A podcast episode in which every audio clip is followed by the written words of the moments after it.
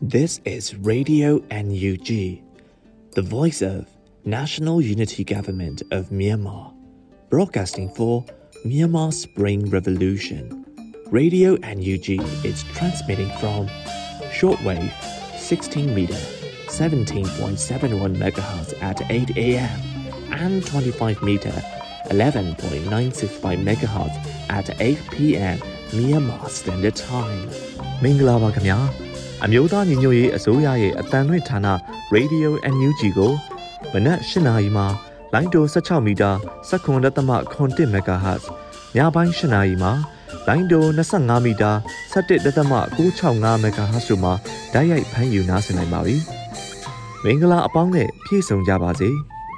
အခုချိန်ကစပြီး Radio NUG အစီအစဉ်တွေကိုဓာတ်ရိုက်အတန်လွှင့်ပေးနေပါပြီ။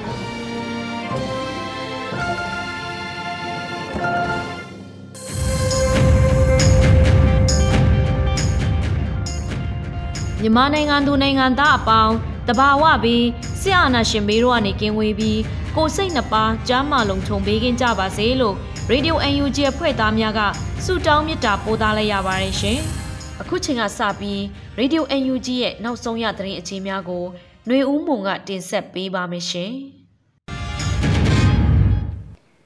ခုချိန်ကစပြီးနောက်ဆုံးရသတင်းများကိုဖတ်ကြားပေးမှာဖြစ်ပါတယ်။ယခုတင်ဆက်မဲ့သတင်းများကို ရေဒီယို NUG သတင်းတာဝန်ခံများနဲ့ခိုင်လုံသောမိဖက်သတင်းရင်းမြစ်များထံမှအခြေခံတင်ပြထားခြင်းပဲဖြစ်ပါတယ်ရှင်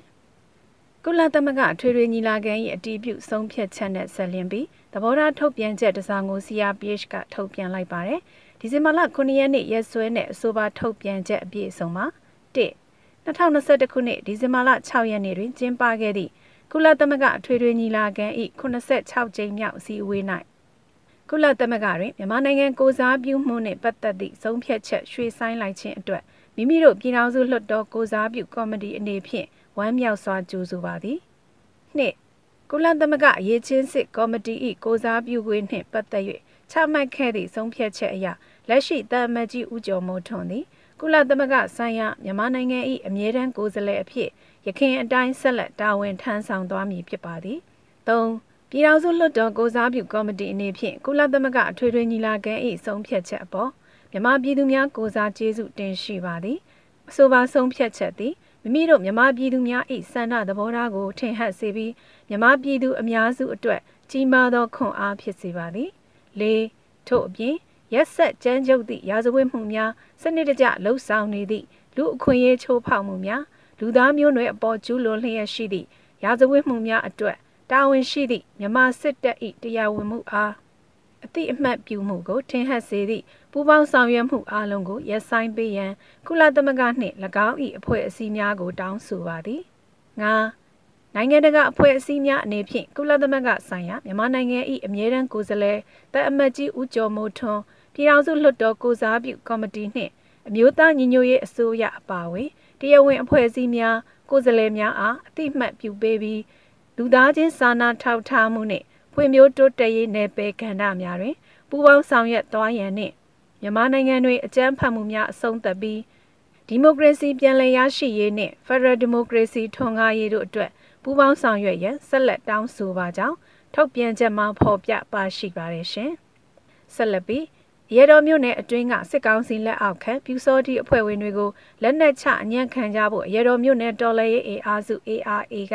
သတိပေးချက်ထုတ်ပြန်လိုက်ပါတယ်။အာဏာသိမ်းမှုကိုခုခံတော်လှန်စစ်ဆင်နွှဲဖို့တော်လှန်ရေးတပ်ဖွဲ့များအသီးသီးပေါ်ထွက်လာနေသလိုအာဏာသိမ်းစစ်တပ်ကလည်း၎င်းတို့ဘက်ကနေကူတိုက်ပေးနိုင်ဖို့အတွက်ပြူစောထီအမိခံထားတဲ့စစ်တပ်ထောက်ခံသူတွေကိုလက်နက်တပ်ဆင်ပေးနေပါတယ်။ပြူစောထီတွေဟာ ပြည်သူအချင်းချင်းရန်တိုက်ပြီးစစ်ကောင်စီကိုကာကွယ်ဖို့အကြမ်းဖက်စစ်တပ်ကဘာသာရေးမှိုင်းထက်ခံထားရသူများဖြစ်ပါတယ်။အကြအဆုံးများလာနေတဲ့စစ်တပ်အစားရှေ့တန်းမှာအသေးခံအတုံးချခံလက်ကင်ဒုတ်တွေဖြစ်တဲ့အတွက်ဒေသခံနယ်သားအချင်းချင်းလက်နက်နဲ့တရားစီရင်ရတာမျိုးကိုမလိုလားဘူးလို့ ARA ကဆိုပါတယ်။ဒါအပြင်အရေတော်မြို့နယ်အတွင်းကပြူစောထီအဖွဲ့ဝင်တွေရဲ့ နာမည်နဲ့နေရလိပ်စာတွေကိုစရင်အပြည့်အစုံရရှိထားပြီးဖြစ်ပါတယ်။၎င်းအဖွဲ့ဝင်များဟာလက်နက်ချအညံ့ခံမှာကအသက်ချမ်းသာပေးမှာဖြစ်ပြီးစစ်ကောင်စီရဲ့အမားကိုနားယောင်ပြီးလက်တွဲဆောင်ရွက်နေအောင်မယ်ဆိုတာကအမြင့်ပြက်ချေမုံတိုက်ခိုက်သွားမယ်လို့ရေတော်မြို့နယ်တော်လှန်ရေးအင်အားစု ARA ရဲ့ထုတ်ပြန်ချက်မှာဖော်ပြထားပါတယ်။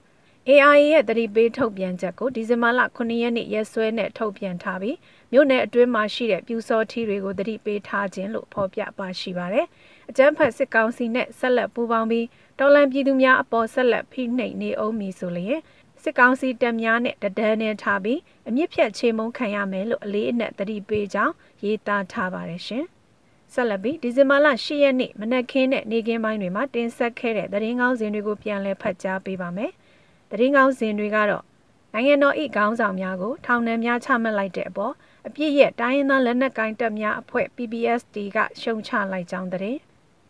စကိုင်းတိုင်းတွင်ရှိဒေသခံပြည်သူတွေအပေါ်စစ်ကောင်စီကအရှင်းလက်လက်မီးရှို့မှုများဟာယခုရက်တရက်ပတ်အတွင်းဇက်တိုက်ဆိုသလိုဖြစ်လာနေတဲ့တဲ့ကချင်တရုတ်နယ်စပ်ကုံသွယ်ရေးဂိတ်စတင်ဖွင့်လှစ်တော်မယ်တဲ့မြို့သားညီညွတ်ရေးအစိုးရကရောင်းချနေတဲ့ဒေါ်လာရေးအထူးငွေတိုက်စာချုပ်များကိုမြန်မာပြည်တွင်းမှာမကြာမီဝယ်ယူနိုင်တော့မယ်ဆိုတဲ့တဲ့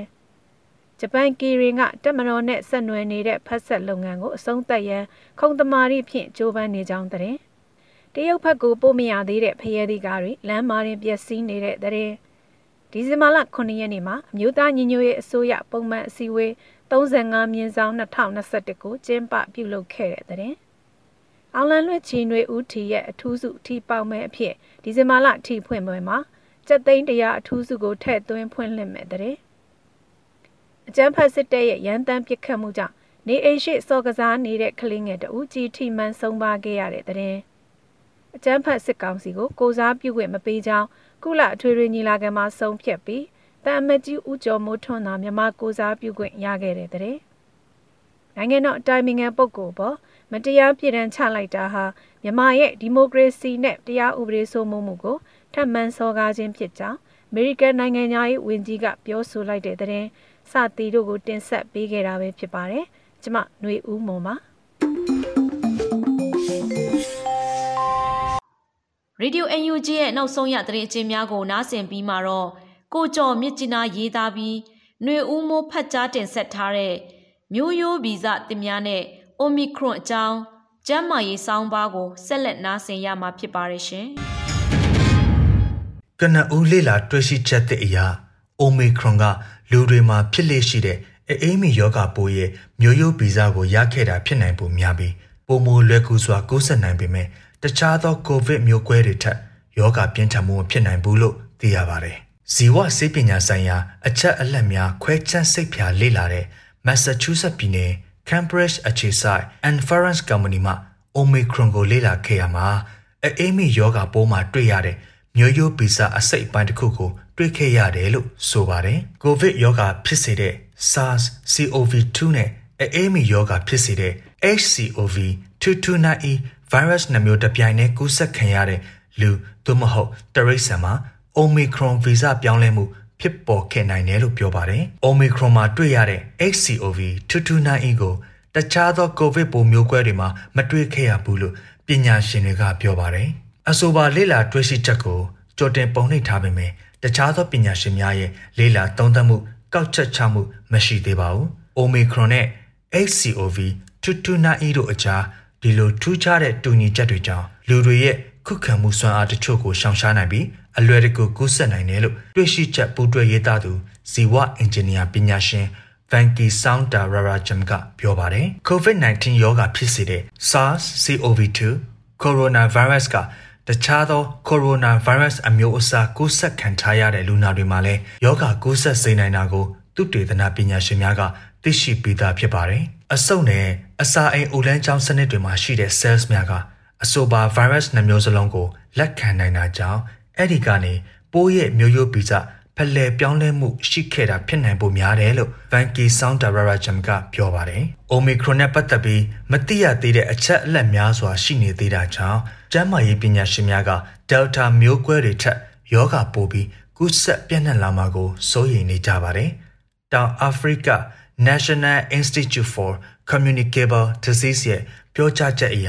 နိုဝင်ဘာလအတွင်းမှာ Omicron ကူးစက်မှုကတခြားသောမျိုးကွဲများထက်ကျော်လွန်သွားပြီး ကူးစက်မှုများရဲ့84ရာခိုင်နှုန်းအထိရှိခဲ့တယ်လို့သိရပါတယ်။တောင်အာဖရိကမှာလွန်ခဲ့တဲ့၄ရက်အတွင်းနေ့စဉ်ကူးစက်မှု၄ဆခန့်တိုးမြင့်ခဲ့ပေမဲ့ဆေးရုံတက်ရောက်မှုနှုန်းကအလားတူတိုးမြင့်တာကိုမတွေ့ရသေးကြောင်းစိတ်သက်သာရမှုရှိတယ်လို့ပြောနိုင်ပေမဲ့တေချာပေါက်မဟုတ်သေးကြောင်း American ကူးစက်မှုယောဂထိန်းချုပ်မှုဆိုင်ရာအကြီးအကဲ Anthony Fauci က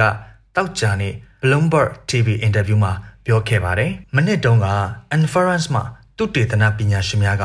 ကိုရိုနာဗိုင်းရပ်စ်ကိုလေ့လာခဲ့ရမှာလူခန္ဓာကိုယ်ထဲမှာစားနဲ့အရည်ဓာတ်တို့ကိုဟန်ချက်မျှတအောင်လှုပ်ဆောင်ပေးတဲ့ protein drug တစ်ခုနဲ့ပုံစံတူညီတဲ့မျိုးရိုးဗီဇအစိတ်ပိုင်းတစ်ခုကိုတွေ့ရှိခဲ့ပါတယ်။အဲ့ဒီတွေ့ရှိချက်ကကိုဗစ်ရောဂါကုသတဲ့ဆေးဝါးနည်းလမ်းတွေအတွက်အထောက်အကူဖြစ်စေခဲ့ပါတယ်။ပုံမှန်အားဖြင့် virus တစ်ခုဟာစင့်ကဲပြောင်းလဲမှုဖြစ်ပွားပြီးကူးစက်မှု ပုံမလွယ်ကူစေပေမဲ့ပြင်းထန်တဲ့ယောဂလက္ခဏာတွေသိမဖြစ်စေတော့ပါဘူးလို့ဆောင်းတာရာရာဂျမ်ကပြောပါတယ်။ဒါပေမဲ့ Omicron နဲ့ပတ်သက်ပြီးနောက်ဆုံးကောက်ချက်ချနိုင်ဖို့ data အချက်အလက်တွေပိုပြီးသိရှိဖို့လိုအပ်နေသေးကြောင်းနောက်ပြီးတော့ကမ္ဘာတဝန်းမှာ COVID ကာကွယ်ဆေးများဖြန့်ချီရောက်ရှိမှုညီတူမျှတမှုမရှိသေးတဲ့အတွက်နောက်ထပ်ဗီဇကွယ်ပြောင်းလဲမှုတွေဖြစ်သွားနိုင်တယ်လို့ပြောသွားကြောင်းပါခင်ဗျာကျွန်တော်ຫນွေဦးမိုးပါ ယခုဆက်လက်နားဆင်ကြရမှာကတော့တတော်လုံးကျွင်ရင်လဲတတော်လုံးပြန်ဝေကြမယ်ဆိုတဲ့အစေးတပုတ်ဖြစ်ပါတယ်။ဇာနီရေးသားတာဖြစ်ပြီးဘုံမြက်တွေဦးရဖတ်ထားပါတယ်ရှင်။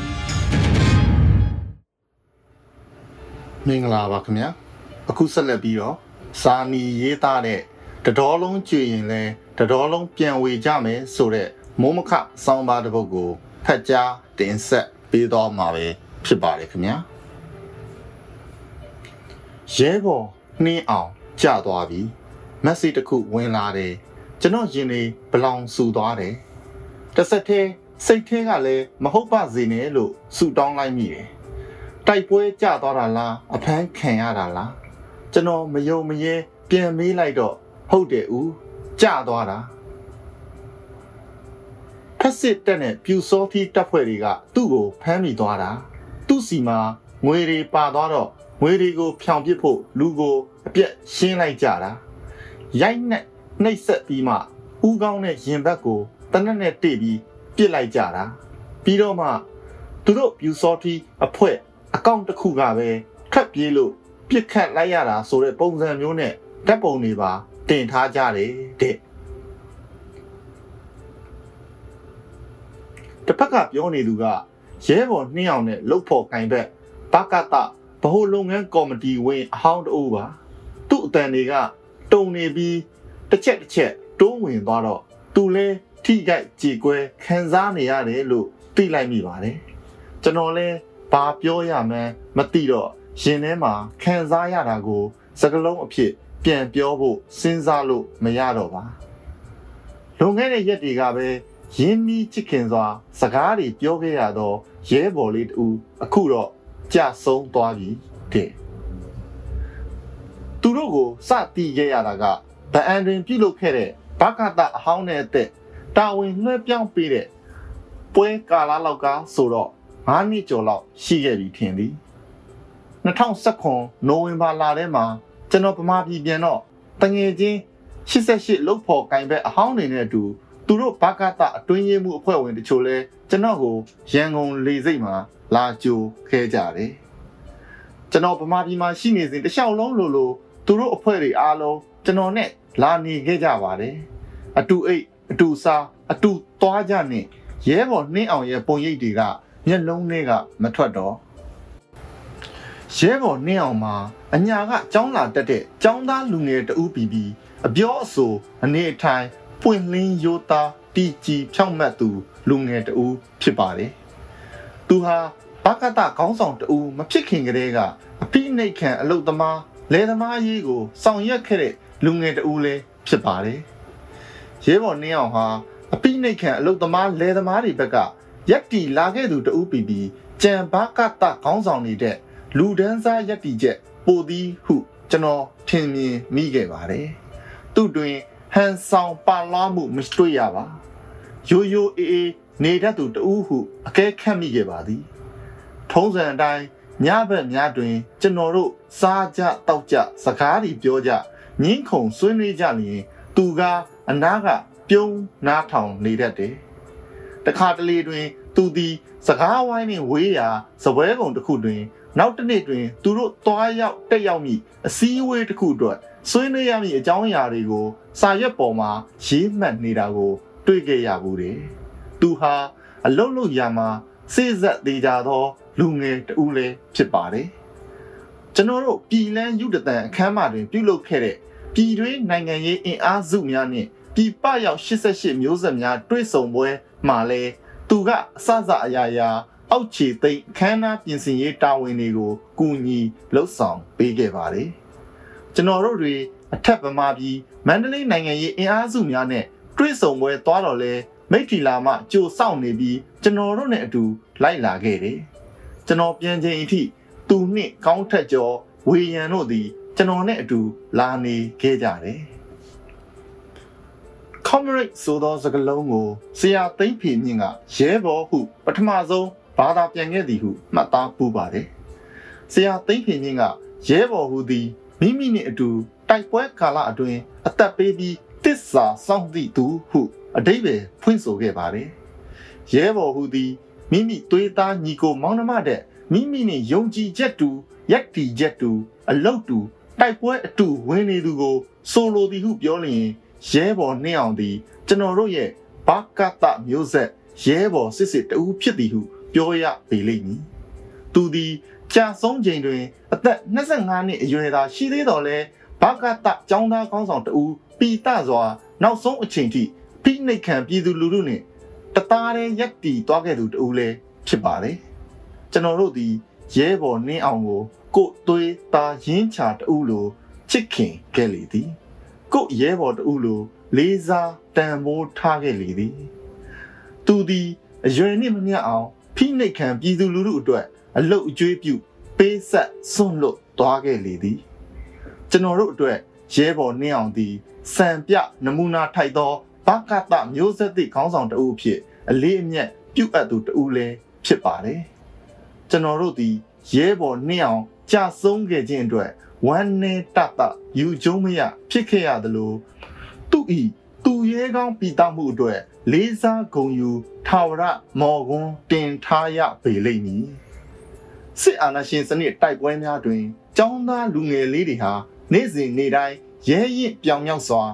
အသက်တွေပေးဆက်စွန့်လို့တိုက်ပွဲဝင်နေကြပါတယ်ရဲဘော်နှင်းအောင်လိုအာဇာနီထောင်တောင်းဟာဖက်စစ်စစ်တပ်အောက်မှာအမိမြေလွတ်မြောက်ရေးအတွက်ပေးဆက်တိုက်ပွဲဝင်လျက်ရှိနေကြပါတယ်။တိုင်းပြည်အနာဂတ်အတွက်အလှဆုံးအဖိုးတန်ပန်းအဖူးငုံလေးတွေချိုးချေဖြစ်စည်းခံနေရပါတယ်။ သို့တော်လဲချီလီတော်လန်ရေးကြပြဆရာဖဗိုလိုနီရူဒါကြပြတဲ့ကလိုပန်းပွင့်နေကိုဖြတ်တောက်ဖြစ်စည်းလို့ရနိုင်ပေမဲ့ပန်းတွေပွင့်စေတဲ့ຫນွေဥကိုတော့ဘယ်သူမှတားဆီးလို့မရပါဘူး။တပွင့်ကျွေရင်တပွင့်ထပ်ဝေရပါလိမ့်မယ်တတော်လုံးချွေခံရလို့တတော်လုံးကြွေခဲ့ရင်လဲတတော်လုံးပြန်ဝေပါလိမ့်မယ်ဤကတော်လန်ရေးကပေးသောအဘိဓမ္မာတရက်ပင်ဖြစ်လေသည် ရဲဘော်နှင်းအောင်နေတကွຫນွေဦးတော်လန်ရေးအညတရသူရဲကောင်းများစွာကိုဥညွတ်ဂုံပြုလျက်စာမီ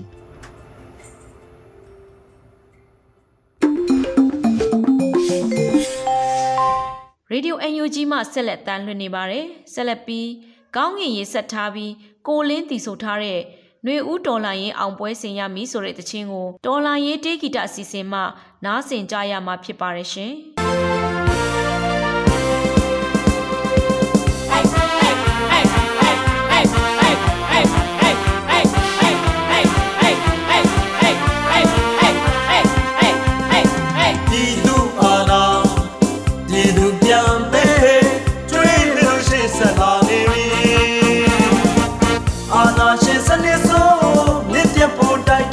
ရမည်တို့ပြည်သူညီရဲ့လားရဲ့မကြောက်တန်းရှင်းစံတရားရဲ့ဘက်ကတည်း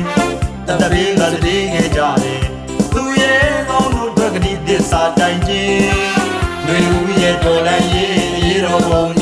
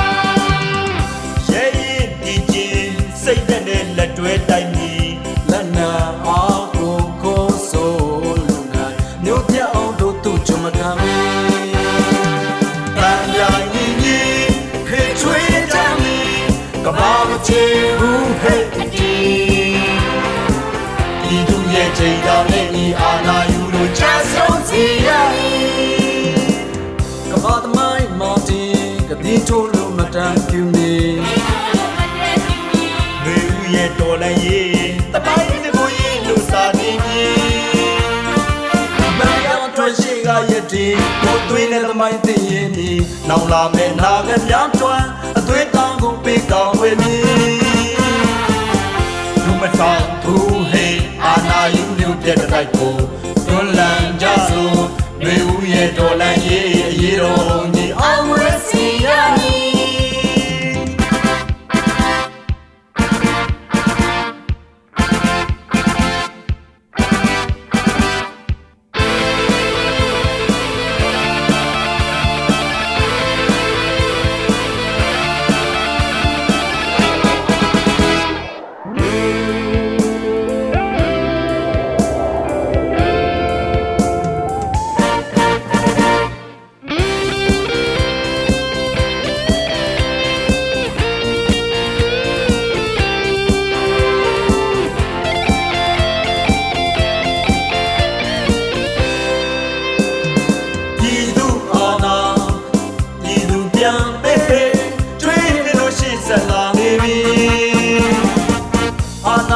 နစ်ဆုံးမြစ်ပြတ်ဖို့တိုက်ထုံရမည်တို့ပြည်သူညီရဲ့လားရဲ့မကြောက်တမ်းရှိစံတရားရဲ့ဘက်ကတည်း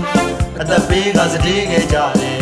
သူရဲ့ကောင်းတို့အတွက်ကတိသစ္စာတိုင်းခြင်းရွေဦးရဲ့တော်လန်ရေးရေးတော်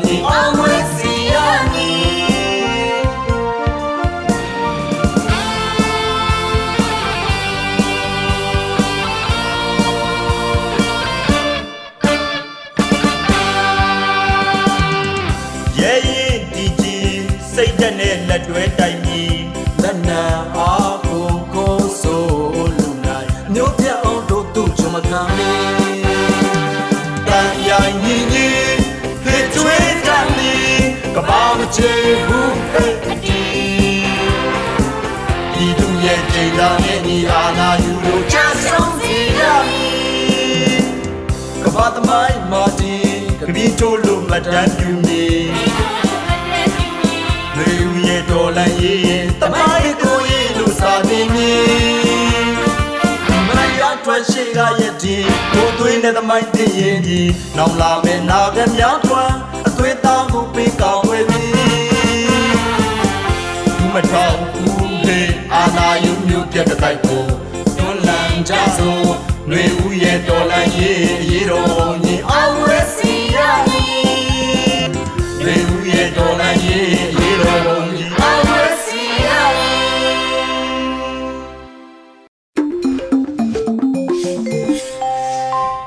ဆက်လက်ပြီးဒေါက်တာဖြိုးတီဟာပြောကြားတဲ့အာနာဖီဆန်မှုလေးမျိုးအကြောင်းကို နားဆင်ရမှာဖြစ်ပါတယ်ရှင်။စစ်သားတွေတက်ကိုစွန့်ခွာပြီးပြည်သူဘက်ကိုပူးပေါင်းလိုက်တာဟာသွေးမြေတစ်စက်မှမကြပဲကြည်တတောင်းမှမကုန်ပဲတစ်ဖက်အင်အားကိုရှော့ချလိုက်နိုင်တာနဲ့အတူတူပါပဲဒါကြောင့် NUG ရဲ့ကာကွယ်ရေးဝန်ကြီးဌာနကလည်းဒါကိုအလေးထားပြီးလုပ်နေပါတယ်အဲ့လိုစွန့်ခွာလာတဲ့စစ်သားတွေတစ်နေ့ထက်တစ်နေ့ပိုများလာတာကိုလည်းတွေ့ရတယ် ဒီဆောင်းပါးမှာတော့ကျွန်တော်လေ့လာမိတာလေးတစ်ခုကိုမျှဝေချင်တာပါ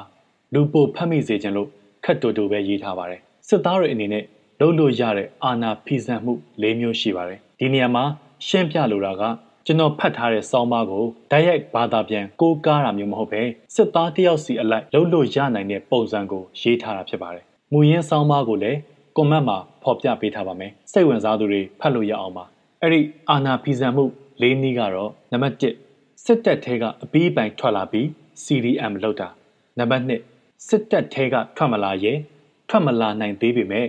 တပ်ထဲကသတင်းတွေကိုမျှဝေပေးတာနံပါတ်3အမိန့်ကိုညှင်းပယ်တာဥပမာအရက်သားတွေကိုပြစ်မိတ်ပေးလိုက်တာမျိုးဆိုမလိုက်နာတာနံပါတ်4 shocking အလုပ်ကိုတည်တည်ချာချာမလုပ်တာရည်ရွယ်ချက်ရှိရှိနဲ့အချိန်ဆွဲတာနှောင့်နှေးအောင်လုပ်တာစသဖြင့်ပေါ့ဖန်ခိုင်းရင်သွားတော့ဖမ်းမယ်ဟိုကနည်းနည်းပြေးတာနဲ့ မိအောင်မလိုက်ဖဲနေလိုက်တာပြစ်မိတ်ပေးရင်ချော်ပြီးပြစ်တာစစ်တာဆေးတာတွေကိုပေချာမလုပ်တာတွေ့နေမြင်နေရင်တောင်မမြင်ချင်အောင်ဆောင်လိုက်တာပို့ပြီးမြင်တော့အောင်ပြောရရင် taxi driver ဆိုတဲ့ကိုရီးယားကားကိုကြည့်ဘူးကြမယ်ထင်တယ်မြို့ကနေထွက်မဲ့နောက်ဆုံးဂိတ်မှာ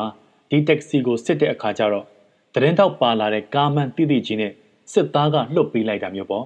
အဲ့ဒီလေးနည်းထဲမှာသူကတော့အန်ဒရဲအ ਨੇ ဆုံးလို့ပြောကြတယ်အမိတ်မနာကန်တာထက်စာရင်လွဲသွားတာနှေးတာ မလုံတက်တာကအပြစ်ပေးရတာခက်တာကိုဒါကြောင့်တက်သေးကထွက်လာနိုင်ထွက်လာရဲမှပြည်သူနဲ့ပူးပေါင်းတာမျိုးမဟုတ်ဘူးတခြားနီလန်း၃ခုလည်းရှိသေးတယ်ဆိုတာကိုသိစေချင်တယ်ရတဲ့နီးနဲ့တော့ပူးပေါင်းကြစေချင်တယ်ဘာလို့ဆိုတော့ဒီတော်လှန်ရေးဟာအစိမ့်နဲ့အနီအာနာလူကြတဲ့တော်လှန်ရေးမျိုးမဟုတ်ဘူးတက်မတော်ရဲ့ပုံရိပ်ဟာလည်းဘလောက်တောင်ကြဆင်းနေပြီလဲဆိုတာသိကြမှာပဲဒီနေ့လို social media ခက်တရင်အချက်လက်ခင်မှာစစ်တပ်ရဲ့စိုးရုပ်မှုတွေဟာ လေပြင်းမှာဆင်သွားသလိုထင်ထင်ရှားရှားကြီးကိုမြင်နေရပြီတကဘာလုံးတနိုင်ငံလုံးကလည်းသိနေပြီအဲ့ဒါကိုအတင်းမျက်စိစွတ်မှိတ်ပြီးငင်းမနေနဲ့တော့ရှေ့ကိုဘာဆက်လုပ်မလဲဆိုတာကစဉ်းစားတဲ့အချိန်ရောက်နေပြီဒီတော့အာနာရှင်လူတစုကောင်းစားရေးအတွက်ကာကွယ်ပေးနေရတဲ့မာဖီးယားဂိုင်းတာတာလောက်ဖြစ်နေတဲ့မြမတက်မတော်ရဲ့ပုံရိပ်ကိုမြင့်တင်ချင်တာဖြစ်ဖြစ်လက်ရှိမှာတတိုင်းပြည်လုံးကယုံမုန်းတာကိုခံနေရတဲ့ဘဝကနေရုံထွက်ချင်တာဖြစ်ဖြစ် တက်တွင်းဗိုလ်ကျအနိုင်ကျင့်မှုတွေကနေလွတ်မြောက်ချင်တာဖြစ်ဖြစ်နောက်ဆုံးကုံကုံပြောရရင်အခြေအနေမဟန်တော့တဲ့အဖွဲ့အစည်းဘက်မှမနေချင်တော့လို့ပဲဖြစ်ဖြစ်ပြည်သူဘက်ကိုအမြန်ဆုံးပူးပေါင်းကြစေချင်ပါတယ်ဆက်လက်ပြီးမနေ့ပြန်မှာငါတို့အတူတူရန်သူတောင်ကုန်းပေါ်မှာအောင်လန်စိတ်ထူကြမယ်ထန်တလန်ဆိုတဲ့ကြပြတပုတ်ကိုနားဆင်ရဖို့ရှိပါတယ်ထန်တလန်မြို့ဟာ ပင်လယ်ရင်မျက်နှာပြင်အထက်ပေ9000ကျော်မြင့်တဲ့တောင်ပေါ်မြို့ကလေးကောင်းကင်ကြီးနဲ့ထိတော်မလို့လို့တောင်တန်းတွေကမမမမတ်ရက်လို့တောင်စလက်တွေနီနီရဲရဲပွင့်လို့အောက်ချင်းငှက်တွေကမြို့ကိုဖျက်ပြီးပြန်တန်းလို့မြို့ပေါ်မှာနှင်းနဲ့မြူကိုတင်ကိုတင်ရိပ်တွေနဲ့ရောရှက်တဘာဝအလှတရားတွေနဲ့ပြည့်နှက်နေတဲ့မြို့ကလေးထန်တလန်အခုတော့ထန်တလန်ဟာစစ်မိတ်စာတို့ရဲ့စစ်ပစ်ကွင်းတစ်ခုလိုလက်နက်ကြီးတွေနဲ့ပြစ်ခတ်ခမ်းနေရတဲ့မြို့ တောင်စလက်ပန်းရနံ့တွေထုံလွှမ်းနေရမယ့်မြို့မှာရမ်းနံ့တွေပြန့်နှံ့လို့တနက်ကြည်တံတွေကြားမှာအောက်ချင်းငှက်တွေရုတ်တရက်အလှန်တကြားထထပြန်သွားကြမြို့ကိုထားသွားခဲ့ပြီအိမ်ကိုစွန့်ခွာတောတွေတောင်တွေကြားမှာမိသားစုတွေအတီးအလွှာဆစ်ဆောင်နေကြရဖိုတုံးကတိတ်လှတဲ့တောင်ပေါ်မြို့ကလေးထန်တလန်ဟာအခုတော့နှင်းမြူတွေကမိโกလုံးတွေတလုံးလုံးနဲ့မြို့ကလေးကပြာတိဖုံးလွှမ်းပြာကျလို့ငါတို့ကြေကွဲကြရတယ် ထန်တလန်မှာလောင်တဲ့မီးကငါတို့နေတဲ့တောမြို့ကလေးကိုလာလောင်တာနဲ့တူတူပါပဲငါတို့ရွေးခဲ့တဲ့လမ်းကခရီးတော့ကျန်းတယ်ထန်တလန်ငါတို့စိတ်ခိုင်ဖို့လိုတယ်စိတ်မယိုင်ဖို့လိုတယ်ငါတို့ရဲ့မနှက်ဖြံကိုဆွဲဆွဲမြဲမြဲစုပ်ကင်ထားဖို့လိုတယ်ယုံကြည်ချက်ရှိနေဖို့လိုတယ်ဟောဟိုမှာရောင်ဒီတန်းလာပြီထန်တလန်ငါတို့အတူတူမနှက်ဖြံမှာရန်သူတောင်ကုန်းပေါ်မှာငါတို့ရဲ့အောင်လံကိုစိုက်ထူကြမယ်လူခါခါ ဒီကနေ့ကတော့ဒီညနေပဲ Radio NUG ရဲ့အစီအစဉ်တွေကိုခਿੱတရနာလိုက်ပါမယ်မြန်မာစံတော်ချိန်မနက်၈နာရီနဲ့ညနေ၈နာရီအချိန်တွေမှာပြန်လည်ဆုံတွေ့ကြပါစို့ Radio NUG ကိုမနက်၈နာရီမှာလိုင်းတို16မီတာ7.7 MHz ညပိုင်း၈နာရီမှာလိုင်းတို25မီတာ17.665 MHz တို့မှာဓာတ်ရိုက်ဖမ်းယူနားဆင်နိုင်ပါပြီမြန်မာနိုင်ငံသူနိုင်ငံသားများကိုစိတ်နှပြကျန်းမာချမ်းသာလို့ ဘေးကင်းလုံခြုံကြပါစေလို့ Radio NUG အဖွဲ့သူအဖွဲ့သားများကဆုတောင်းလိုက်ရပါတယ်အမျိုးသားညီညွတ်ရေးအစိုးရရဲ့စက်သွယ်ရေးတရင်အချက်အလက်နဲ့ဤပညာဝန်ကြီးဌာနကထုတ်လွှင့်နေတဲ့ Radio NUG ဖြစ်ပါတယ်။ San Francisco Bay Area အခြေစိုက်မြန်မာမိသားစုများနဲ့နိုင်ငံတကာကစေတနာရှင်များလှူအားပေးများရဲ့ Radio NUG ဖြစ်ပါတယ်။အရေးတော်ပုံအောင်ရမည်။